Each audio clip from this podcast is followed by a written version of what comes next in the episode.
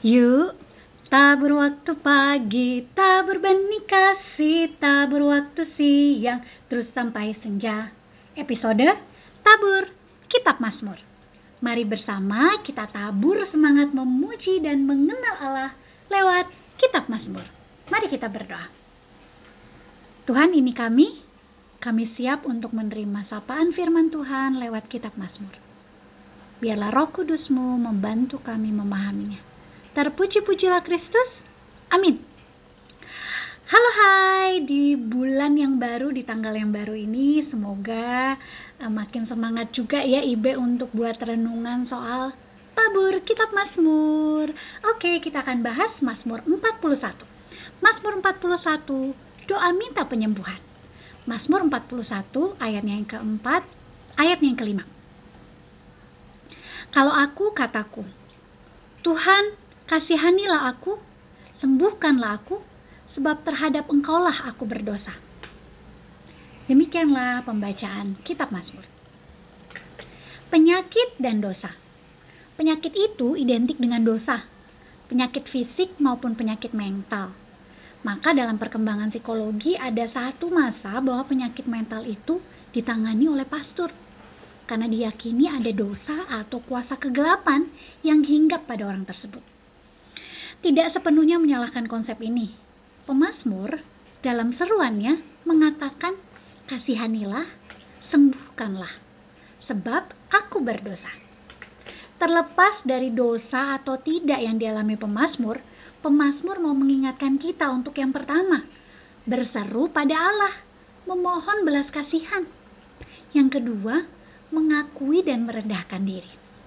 Dua hal ini perlu jadi dasar bahwa kita ini debu dan penuh dosa. Bahkan orang suci sekalipun perlu dasar ini juga.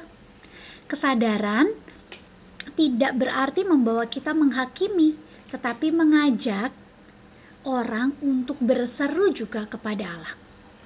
Sadar itu, kita tidak dikuasai oleh emosi semata, tapi juga akal pikir. 1 Petrus 4 ayat 7b berkata, karena itu kuasailah dirimu dan jadilah tenang, supaya kamu dapat berdoa. Sama seperti surat Petrus, bahwa keberadaan kesadaran atau sadar diri berarti dalam penguasaan dan menjadi tenang. Penguasaan diri merujuk pada pikiran dan akal budi yang tidak goyah, mawas, dan mantap. Penguasaan diri akan didapatkan jika kita senantiasa dekat pada Sang Maha Kuasa yang mencipta kita. Ia akan memberikan petunjuk mengenai menguasai diri. Petunjuknya lengkap ada dalam Alkitab.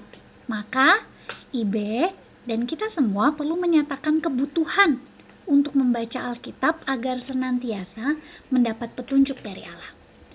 Apa pun kondisi fisik dan psikismu hari ini, yuk berseru pada Tuhan, mohon belas kasihan, akui dan rendahkan dirimu padanya biarkan Allah bekerja memulihkan kondisi kita. Senantiasalah menguasai diri dengan petunjuk dari Allah, sehingga kita pun sadar dan terus kembali mencari Allah. Mari kita berdoa. Tuhan ini kami, kami siap merasakan proses pemulihan dari Allah. Biarlah roh kudusmu membantu kami melakukan firman Tuhan. Terpujilah Kristus. Amin. Tabur waktu pagi, tabur benih kasih, tabur waktu siang, terus sampai senja.